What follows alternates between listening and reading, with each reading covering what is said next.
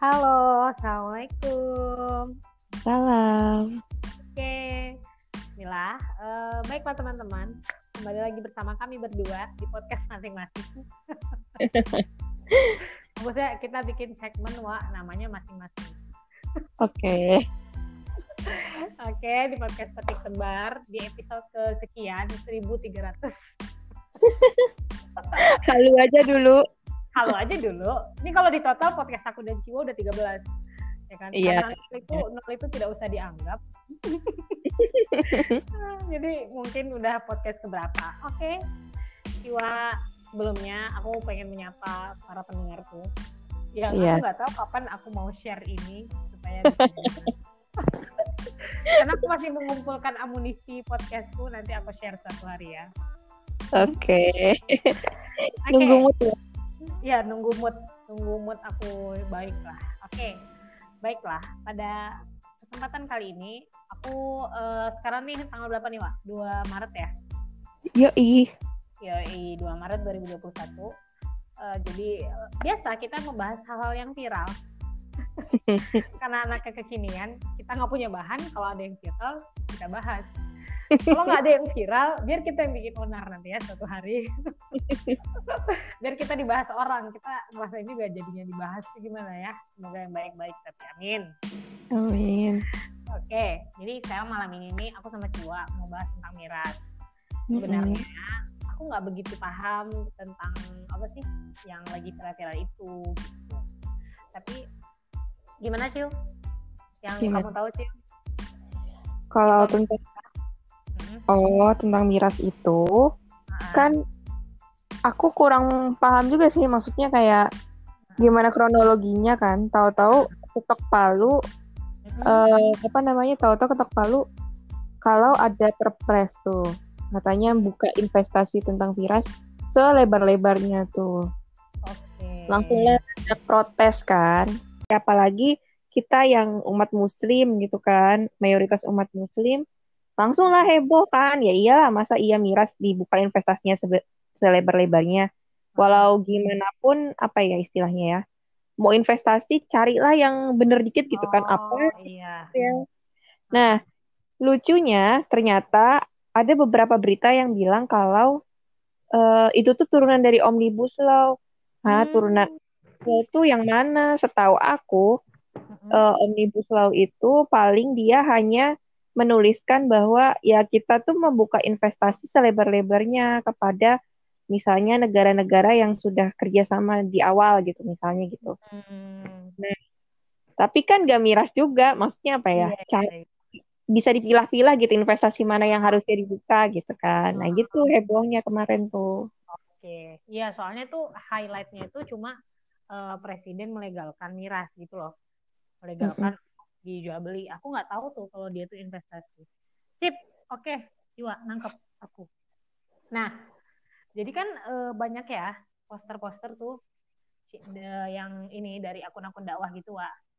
Mm-mm. Kalau eh, miras ini kan sumber segala ini ya, sumber segala dosa, kayak gitu. Mm-mm. Nah, mungkin teman-teman di sini eh, penasaran gitu, kenapa sih ceritanya kok sampai ada tagline kayak gitu gitu. Kalau miras ini sumber segala dosa besar kayak gitu. Nah, kamu tahu nggak Cil ceritanya? Ini eh, aku tuh pernah baca, aku lupa di kisahnya siapa. Jadi Hah? ada seorang pemuda Mm-mm, terus di kayak dikurung gitu kan, dikurung sama seorang perempuan gitu kan. Ya, benar. Terus, Ah, Pilih tuh, disuruh milih ada tiga pilihan. benar Eh, banget. Minum miras, kamu perkosa aku, eh kamu zinai aku, atau kamu bunuh Iya. anak ini gitu kan, atau Iya. butuh bayi ini, bunuh bayi ini. Terus, Ah. nah Hmm. eh, pemuda itu kan bilang saya nggak mau ngebunuh orang, ya kan? Saya nggak mau ngebunuh bayi inilah gitu. Terus saya juga nggak mau apa namanya zinai kamu gitu kan. Ini dosa besar katanya. Ya udah akhirnya saya milih minum hammer aja. Eh ternyata habis minum ya itu maksudnya eh berzina. Dia berzina dan dia bunuh bayi itu gitu kan. Karena memang Iya. ya sumber sumber ini sumber kejahatan, maksiat, Hmm. dosa itu tuh semua di hammer gitu kan. Iya, benar. Kita dibuat Oh, nge kita dibuat ngefly. Ah, ah, benar. Uh, kamu ingat kan masalah yang itu Ciu, uh, yang Apa? orang Depok tuh cowok cowok Reinhardt apa sih siapa sih namanya? Uh, Reinhardt itu kan LGBT kan? Iya LGBT itu kan dia juga uh, ininya siapa namanya? Dia kan juga minum dulu, korbannya juga minum kan? Oh iya iya benar.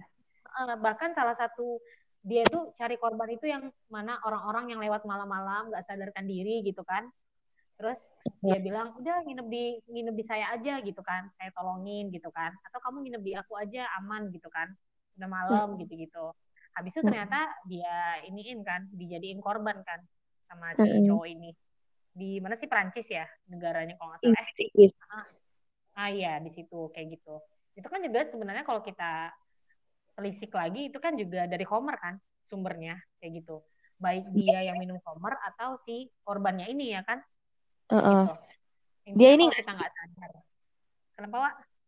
dia ini bukan sih dia nyarinya di klub malam juga aku nggak tahu kalau dia nyampe nyari di klub malam tapi aku taunya dia tuh nunggu kayak di gang rumahnya gitu loh wah uh ada yang di gang rumah terus pokoknya uh -uh. Hmm, berarti dari banyak versi kayak gitu ya pokoknya ya apa ya dia tuh hunter lah istilahnya hunter dia hmm, nyari hmm. dia kayak bukan nyegat sih kayak ya berdiam lah di gang dekat rumahnya kadang juga hmm. dia ke klub-klub malam pokoknya dia memang gimana pun caranya cari hmm. korban buat menyalurkan hasrat seksualnya itu gitu kan nah memang beberapa ada yang tidak sadarkan diri gitu kan tapi ada juga yang memang dengan sukarela karena memang homo juga kali atau diiming-imingin uang kan ada juga ya. Korbannya itu kan puluhan. Ada yang diiming-imingin uang kan, ada yang emang sama sesama homo, ada juga yang apa ya istilahnya ya, yang di entah itu dikasih homer karena apa sih itu namanya karena memang lagi di klub malam terus dikasih di kayak gitu-gitu ada juga nah. gitu kan. Serem banget ya antar sejati. Terus uh, tadi aku sambung cerita yang tadi ya, kalau Homer ini uh, apa sih sumber atau miras ini sumber semua kejahatan itu. Ternyata aku juga baru tahu detail ceritanya itu kalau ternyata pemuda ini pemuda rajin masjid loh jiwa ternyata. Yang kisah sahabat tadi. Oh iya. Uh -uh, jadi itu tuh riwayatnya dari Rasulullah tuh salah seorang sahabat uh, dari Utsman gitu.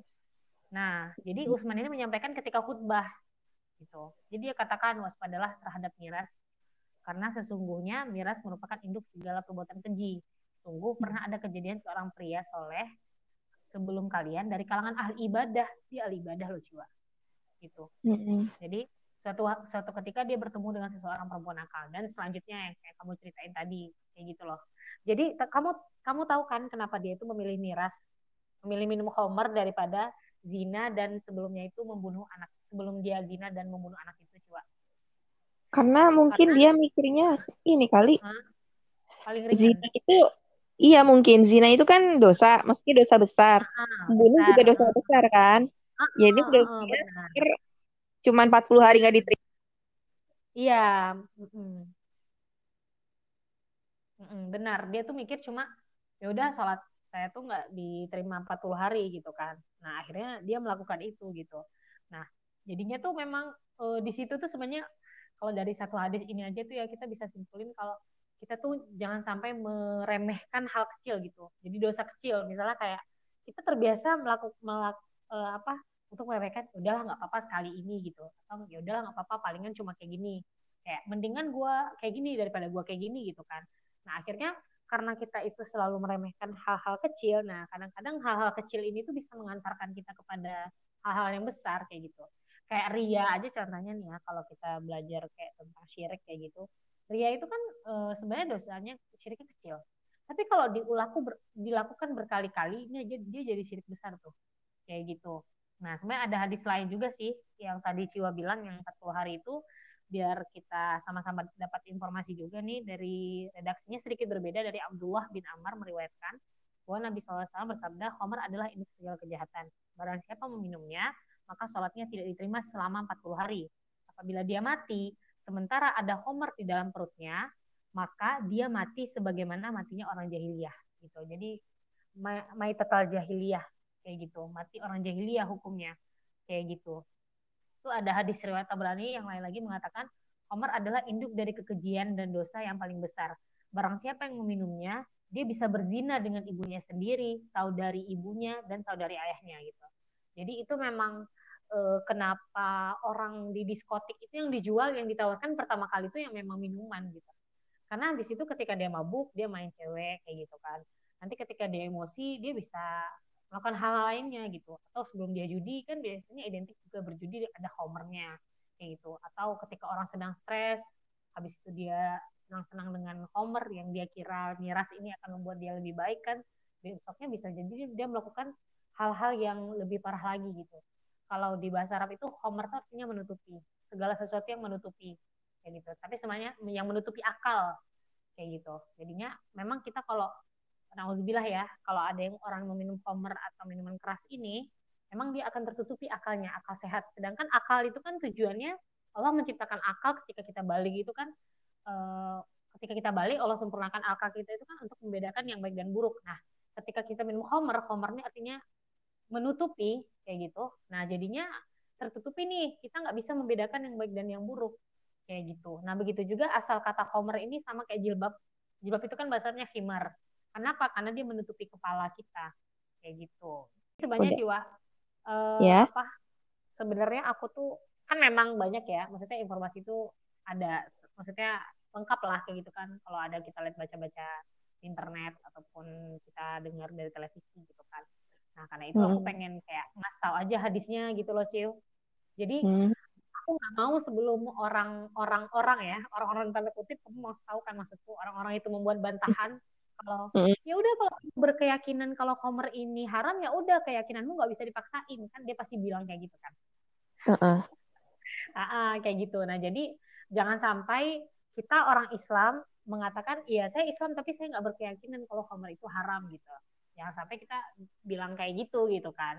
Nah jadi aku kayak mau share aja nih yang di hadis kayak gitu gitu.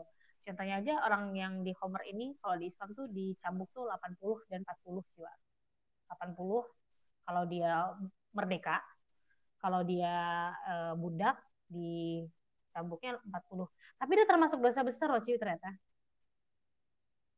Gitu. Jadi bukan hanya uh, yang tadi kan perempuan itu kan dia nyuruh ya memilih, dia kan mengurung laki-laki ini emang nggak jelas sih cewek ya. Kalau orang udah perempuan gak bener tuh, jadi dia tuh ketika mengurung si laki-laki ini, dia kan meminta tiga tuh ciu. Dia uh, memilih gitu kan, dia menawarkan tiga pilihan. Kau minum khamr ini, zinai aku, atau membunuh anak kecil kayak gitu. Kalau di riwayat ini anak bayi, sedangkan di kisah lain aku denger dia tuh anak kecil kayak gitu.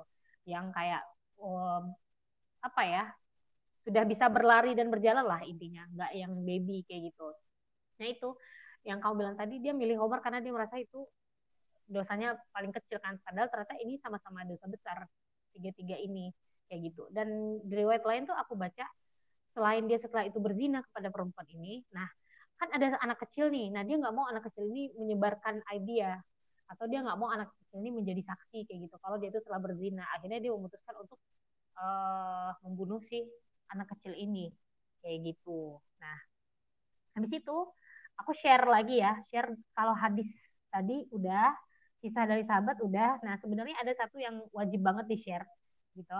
Kalau kita ngambil orang nanya misalnya nanti dalilnya apa gitu kan. Nah, ini ada dalil Quran nih.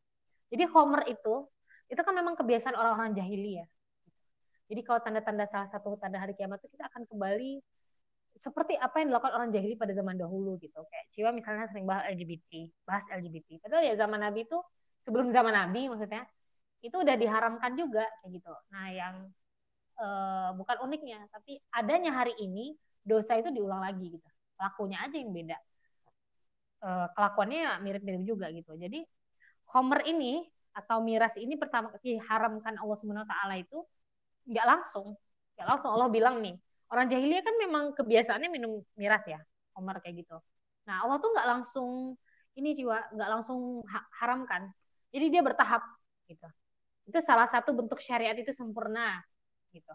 Jadi disempurnakan step by step lah bahasa kita gitu. Jadi kalau orang bilang oh Islam itu keras, nah mereka mungkin uh, mungkin belum tahu gitu. Mungkin kita yang mengatakan misalnya Islam ini ekstrim, Islam ini keras gitu. Nah mungkin kita belum sampai nih uh, ngebaca, oh ternyata ada di syariat itu namanya atadarruj gitu, alias sedikit-sedikit gitu. Nah salah satunya bentuk pengharaman si Homer ini tuh sedikit-sedikit banget, step by step maksudnya, perlahan kayak gitu. Jadi awalnya Homer itu boleh gitu. Kenapa? Karena ya waktu itu belum disebutkan nih kenapa haram. Uh, dalilnya itu ada surat uh, Quran surat An-Nahl ayat 67 gitu. Jadi dan dari buah kurma dan anggur kami buat minuman yang memabukkan dan rezeki yang baik. Sesungguhnya pada yang demikian itu benar-benar terdapat tanda kebesaran Allah bagi orang yang memikirkan gitu. Nah, habis itu turun ayat kedua nih. Turun ayat untuk menjauhkan diri dari Homer karena mudaratnya lebih besar dibanding maslahatnya gitu. Hmm. Jadi kan uh, uh, segala sesuatu itu ada, plus minus. Gimana, Ciu?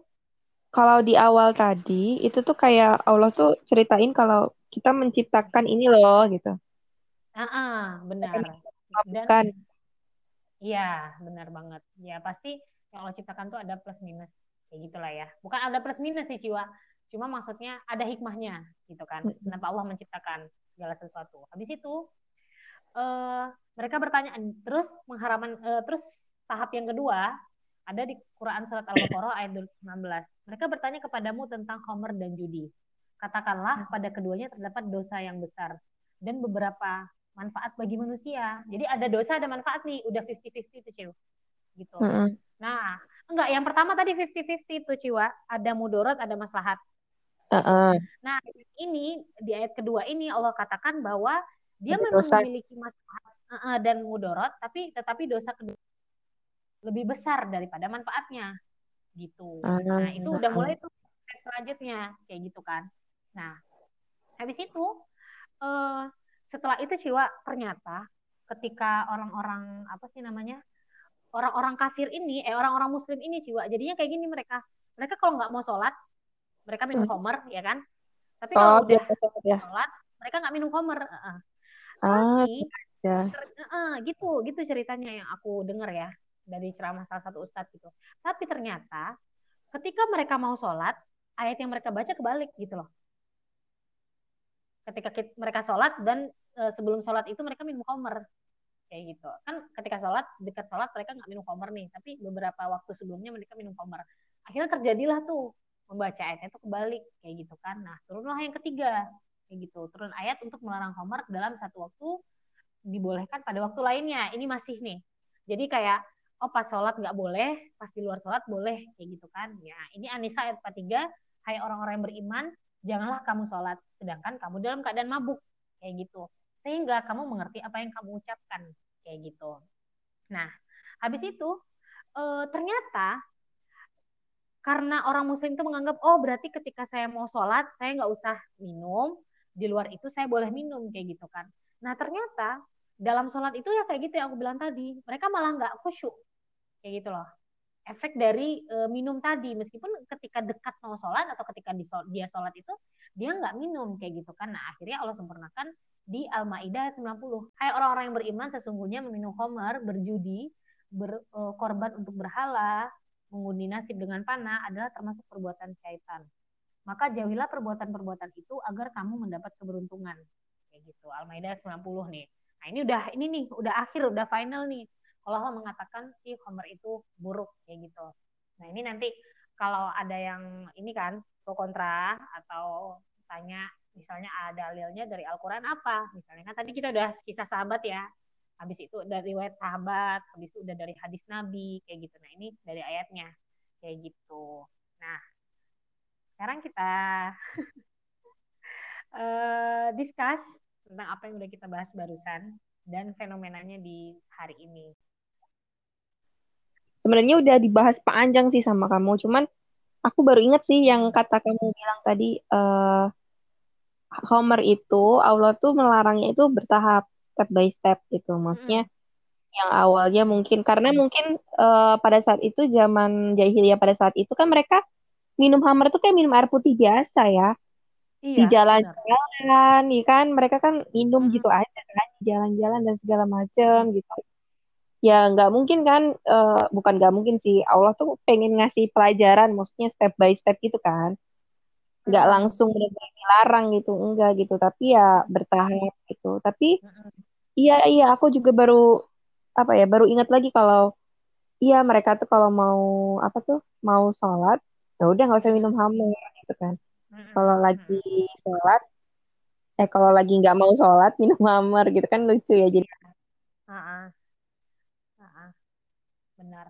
Habis itu lagi ketika ayat Homer ini turun gitu.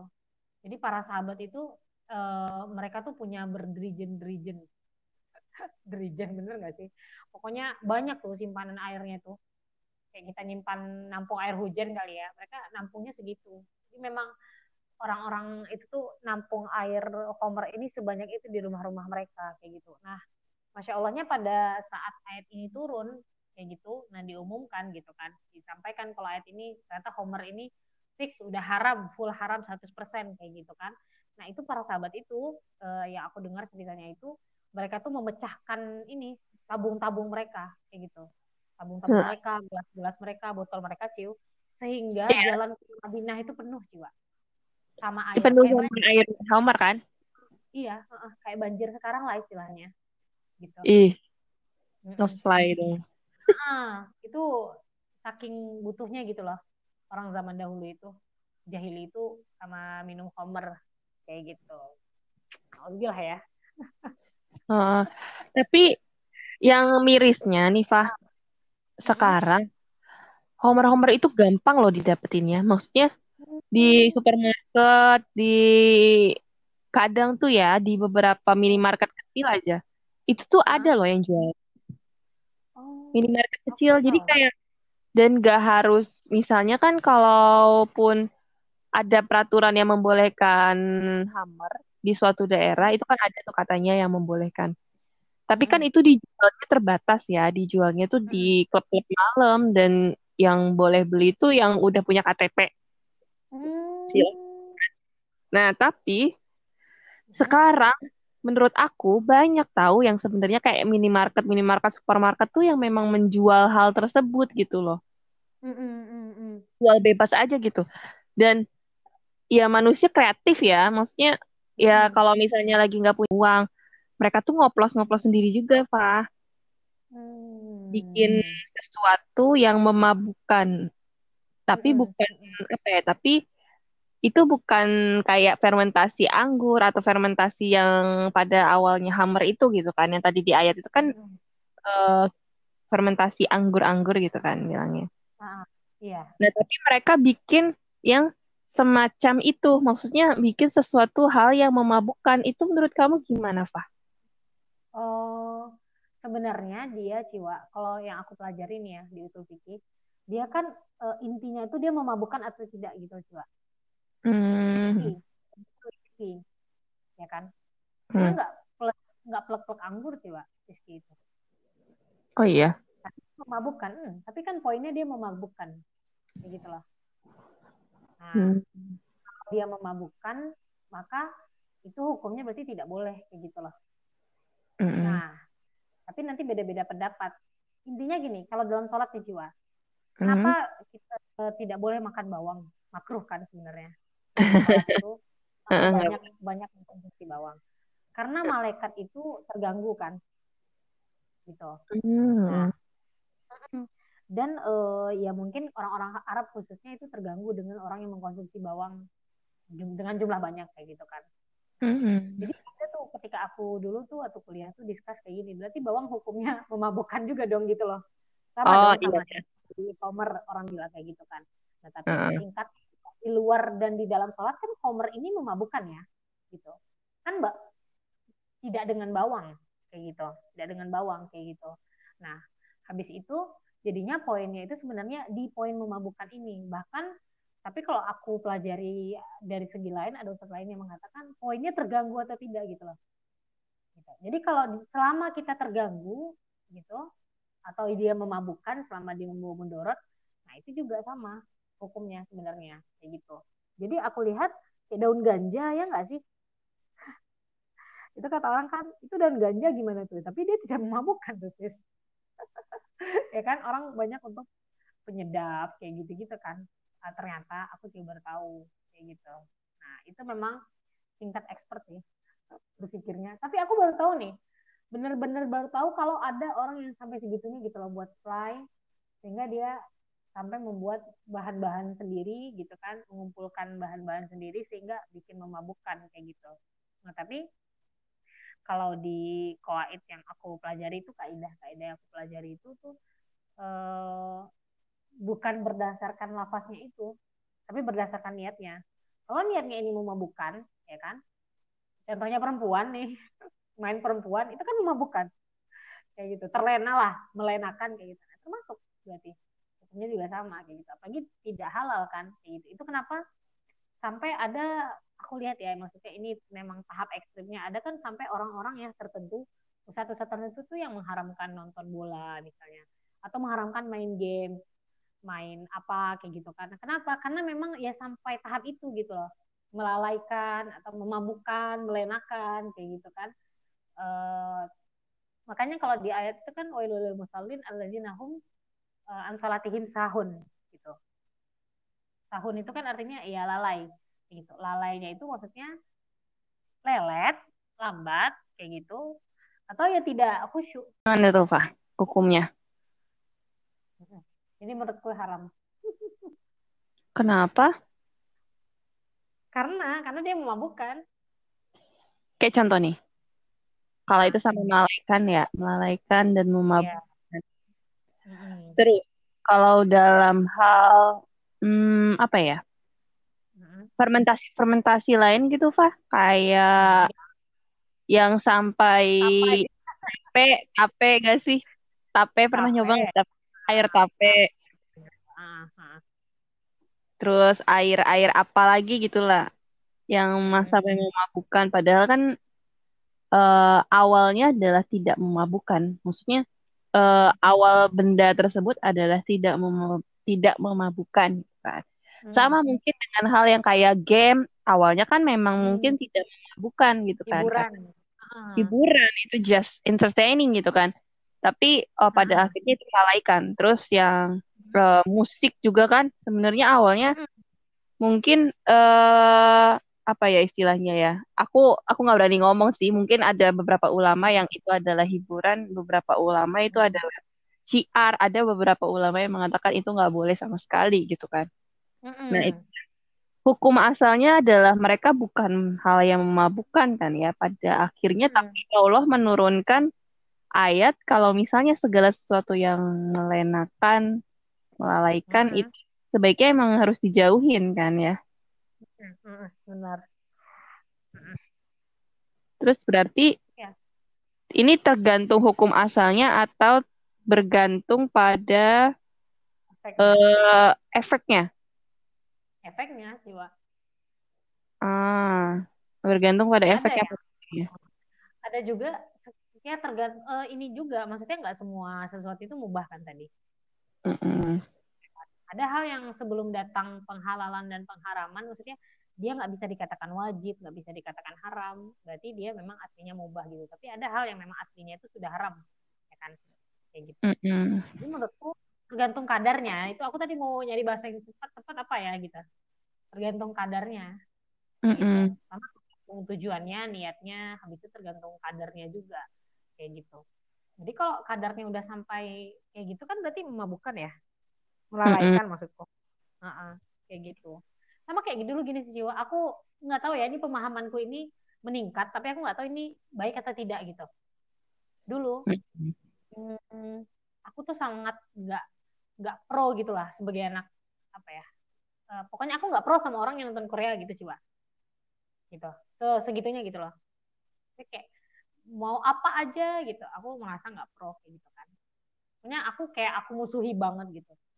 Sampai sekarang meskipun aku nggak Koreaan mungkin karena terbiasa dulu ini banget ya sekarang aku ngelihat uh, ya ketika ada yang nonton terus kayak ngambil ah ini pak ada case gini-gini aku jadi oh ya juga ada juga sih manfaatnya kayak gitu. Tapi aku nggak menyatakan bahwasanya oh tontonlah Korea maka kamu akan mendapatkan ilmu. Kan nggak nggak sampai nyuruh juga atau nggak sampai oh, apa sih uh, sugesti eh sugesti yang ngajak orang kayak gitu kan. Undang nontonlah Korea. Nggak juga kayak gitu. Cuma mungkin aku ngelihat ya tergantung yang dia tonton tuh apa kayak gitu loh. Bagian mananya kayak gitu. Atau ya film seperti apa kayak gitu. Karena kita juga nggak bisa dipungkiri emang sekarang semuanya udah ada kan. Kayak gitu semua orang tuh uh, pasti nonton. Kayak gitu dan tergantung ya gimana dia mengambil sisi apa atau mungkin dia mengambil filmnya yang bagaimana dulu kayak gitu. Jadi kalau kita katakan segala sesuatu yang bisa menghasilkan yang buruk itu buruk 100% ya enggak juga kayak gitu. sosial media aja contohnya. Sosial media itu. Aku lihat nih tapi aku nggak berani sebut lah. Ada beberapa ustadz yang dia tuh berangkat dari haram gitu. Maksudnya viralnya itu dia beliau itu kok dia ya? Beliau itu udah menyatakan itu haram. Sehingga memang e, para para apa ya e, jamaah lah jamaah beliau itu termasuk orang-orang yang e, jadinya gabung untuk oh tidak memakai sosial media yang ini loh gitu. Facebook kalau nggak salah zaman itu masih Facebook kayak gitu kan. Nah sekarang ternyata Ustadz ini tuh bahkan sampai sering live kayak gitu loh Instagram kayak gitu Berarti kan dia ini kan kadarnya tadi kan yang aku bilang tadi. Kayak gitu. Oh ternyata memang sekarang mau nggak mau dakwah itu udah sampai ke Instagram, di mana Instagram ini anaknya Facebook juga, kayak gitu kan. Nah ternyata dia sampai tuh ke tingkat uh, apa beliau itu sampai ke tingkat oh sekarang syiar tuh di Instagram kayak gitu. Ini kan aku mengatakan bahwa segala sesuatu itu baik atau tidaknya itu tergantung penggunaan kan tadi kayak gitu. Beda lah ya sama Homer ini kan memang kalau Homer ini miras memang 100% ya kayak gitu. Tapi kalau kita berang uh, kalau kita udah bergeser ke hal-hal yang memabukkan dan melalaikan, nah itu tadi tergantung kadarnya nih. Apalagi misalnya tidak ada plek-plek di syariah, misalnya hukum memakai Instagram kan nggak ada tuh di Quran di hadis ataupun di hadis ya di kita sahabat kayak gitu. Nah jadi mungkin itu jawabanku gitu. Allahu a'lam. Oke, jadi gitu ya Fa ya. Kalau misalnya hukum dasarnya itu kan beda ya. Ketika Homer itu memang hukum dasarnya yang di Quran ya awalnya hmm. apa ya Allah tuh kayak ini loh Homer itu adalah yang saya ciptakan tapi sifatnya memabukkan. Lalu lama kelamaan Allah mengharamkan Homer itu kan. Beda halnya hmm. dengan mungkin apa yang kita dapati di apa ya apa yang kita zaman sekarang, zaman sekarang gitu kan ya. Kayak ya zaman dulu sebenarnya nggak ada yang namanya sosial media mungkin terus juga nggak ada yang namanya game gitu kan yang sampai hmm. ada yang bahkan lebih itu diharamkan dan segala macam kan. Nah, hmm. mungkin lebih ke hukum dasarnya ya. Tapi kalau misalnya hmm. untuk hamil tertulis di Quran, pokoknya apa ya, apa pun yang tertulis di Quran ketika itu diharamkan ya mendingan dijauhin gitu kan. Tapi ah. ketika itu tidak tertulis di Quran tapi ternyata itu melalaikanmu terus uh, membuatmu apa sih istilahnya ya terlena terus meng, ya menghabiskan waktumu itu lebih baik dihindari ya. gitu kan tapi tidak hmm. ya tapi tidak plek gitu itu tuh haram gitu kan di hmm. Quran itu jadi gitu ya kan hmm. iya kesimpulannya seperti itu ya hmm. tergantung kita sebenarnya kan uh -uh. sesuatu yang nggak karena uh -uh. ya kayak balik ke kayak podcast podcast aku nggak inget lagi maksudnya ini dia aku dari kamu kayak tentang kontekan sama lawan jenis kan. Hmm. Nah, dia maksudnya ada orang yang dia segitunya gitu loh cuy sama lawan jenis tuh. Hmm. Kan atas nama cowok aja respons kayak gitu kan. Ya ada hmm. orang yang uh, apa namanya, ya dia bodoh amat gitu. Jadi gua tau nggak, aku tuh di organisasi nih cuy. Hmm. ini cewek-cewek. Misalnya dia excuse gitu, dia kayak oh dia mau resign kayak gitu kan. Hmm. Untuk uh, organisasi lagi aku nggak tanya sih cuma maksudnya aku tahu dia punya keresahan itu di mana mungkin dia oh, dia nggak merasa safe dia nggak merasa apa ya nggak merasa aman lah gitu Wak, kalau ada laki-laki kayak gitu loh. Nah itu kan balik lagi ya apa sih tergantung kitanya masing-masing tuh ya nggak sih? Benar. gitu. ada orang yang uh, jadi kita aku makanya aku ya intinya kalau pemahaman kita bertambah maka pemaafan kita bertambah kayak gitu loh. Kita nggak akan se itu kayak gitu. Dulu aku berpikir kayak ya maksudnya kayak aktivis-aktivis tahun satu gimana sih kalau orang keluar dari kampus tuh? Eh keluar dari apa? Organisasi kan. Uh, istilah kasar kayak kamu keluar dari jalan dakwah gitu-gitu kan awalnya dulunya. Kayak gitu. tapi kan porsinya lagi ya kalau memang dia ternyata nggak sanggup menghadapi itu dan itu berhubungan sama halal haramnya dia gitu kan mm-hmm. itu kan tak bisa dipaksa kayak gitu loh cuy Mhm.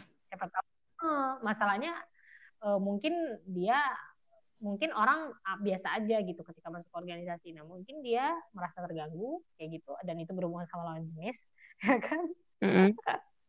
Ah, bahkan jangankan itu jiwa Eh, ini kita udah ke, ke ujung banget lah ya ini ke ujung banget Hmm. Eh, aku pernah dengar ceramah bahwasanya rukun Islam tiap orang beda-beda loh jiwa Hah? Maksudnya Jiwa. gimana? maksudnya gimana gini kalau dari Ustadku mengatakan gini kamu udah haji belum jiwa udah berangkat haji belum Belum. nah sama-sama aku berarti rukun Islam kamu udah udah sampai nomor berapa cuy Belum sampai nomor lima yang pasti. Nah, nomor lima, nah sama. Jadi sebenarnya ketika Allah menurunkan rukun Islam itu itu wajib untuk kita. Tapi nggak semua kita bisa sampai sana gitu jiwa. Nggak akan bisa, nggak semua kita bisa sempurna kayak gitu, ngerjain semuanya gitu. Eh, contohnya lagi, misalnya ada eh, orang baru ini nih eh, apa masuk Islam kayak gitu. Mungkin seminggu atau sebulan setelah masuk Islam dia baru bisa sholat. Nah, bisa jadi tahun ini dia cuma coba coba Ramadan puasa Ramadan tapi belum bisa. Kayak gitu. Dia habis itu bertekad untuk tahun depan kayak gitu kan. Tapi kalau Allah eh, dua bulan atau berapa bulan setelah Ramadan tahun ini gitu dia meninggal gitu. Berarti kan dia tidak terpenuhi dong semua rukun Islamnya kayak gitu. Itu kata Ustaz aku kayak gitu. Jadi sebenarnya semua kita ini memang nanti ujung-ujungnya sendiri-sendiri itu definisi sendiri-sendiri itu kayak gitu gitu meskipun orang bilang sholat kita berjamaah kayak gitu tapi sholat berjamaah ini kalau kamu tidak menghadirkan badanmu dari rumah, di mana yang menghadirkan badanmu tuh kamu sendiri kayak gitu. Nah itu yang nggak bisa juga terjadi si jamaah ini kayak gitu. Jadi kalau ada orang bilang eh, apa namanya Islam itu selalu berjamaah, ya nggak juga gitu. Karena nanti dipertanggungjawabkan di akhirat itu sendiri-sendiri. Karena kita berangkatnya kan sendiri kayak gitu. Sama kayak puasa gitu. Puasa itu kan memang ibadah ya orang sedunia puasa pas Ramadan. Tapi kan puasa kita sendiri-sendiri. Kita masukkan kita sahur sendiri kita berbuka sendiri gitu loh. Kita yang masukkan makanan dan minuman itu ke diri kita kita yang menahan itu pribadi kayak gitu. Jadi uniknya Islam ini kata Ustaz aku tuh uh, waktu maksudnya guru aku tuh di kampus tuh bilang uniknya Islam ini Islam ini syiarnya besar. Syiarnya syiar ini berjamaah. Tapi ketika kita perhatikan lagi dia itu akan kembali ke diri kita sendiri gitu kayak gitu jadi kenapa di akhirat itu dihisapnya satu-satu gitu nggak nggak kelompok-kelompok kayak gitu kan ya karena sebenarnya kita tuh ngelakuin ke diri kita sendiri gitu. Oke lah, sudah jauh per pembicaraan kita. Aku nggak tahu ini totalnya berapa menit. Which is, which is uh, link yang aku kirim ke Ciwa ini sudah 10 ada ya, Wak, kayaknya. Hmm, fix 11. gitu. Kadarullah memang sinyalnya masih hilang timbul ya, Bun. Makasih Ciwa udah mau nemenin aku. Uh, makasih juga teman-teman untuk yang sudah mendengarkan. Maaf kalau ada kesalahan di ayat hadis ataupun yang aku sampaikan atau pengulangan-pengulangan kata yang terlihat tidak indah gitu. Sekian dulu. Assalamualaikum warahmatullahi wabarakatuh.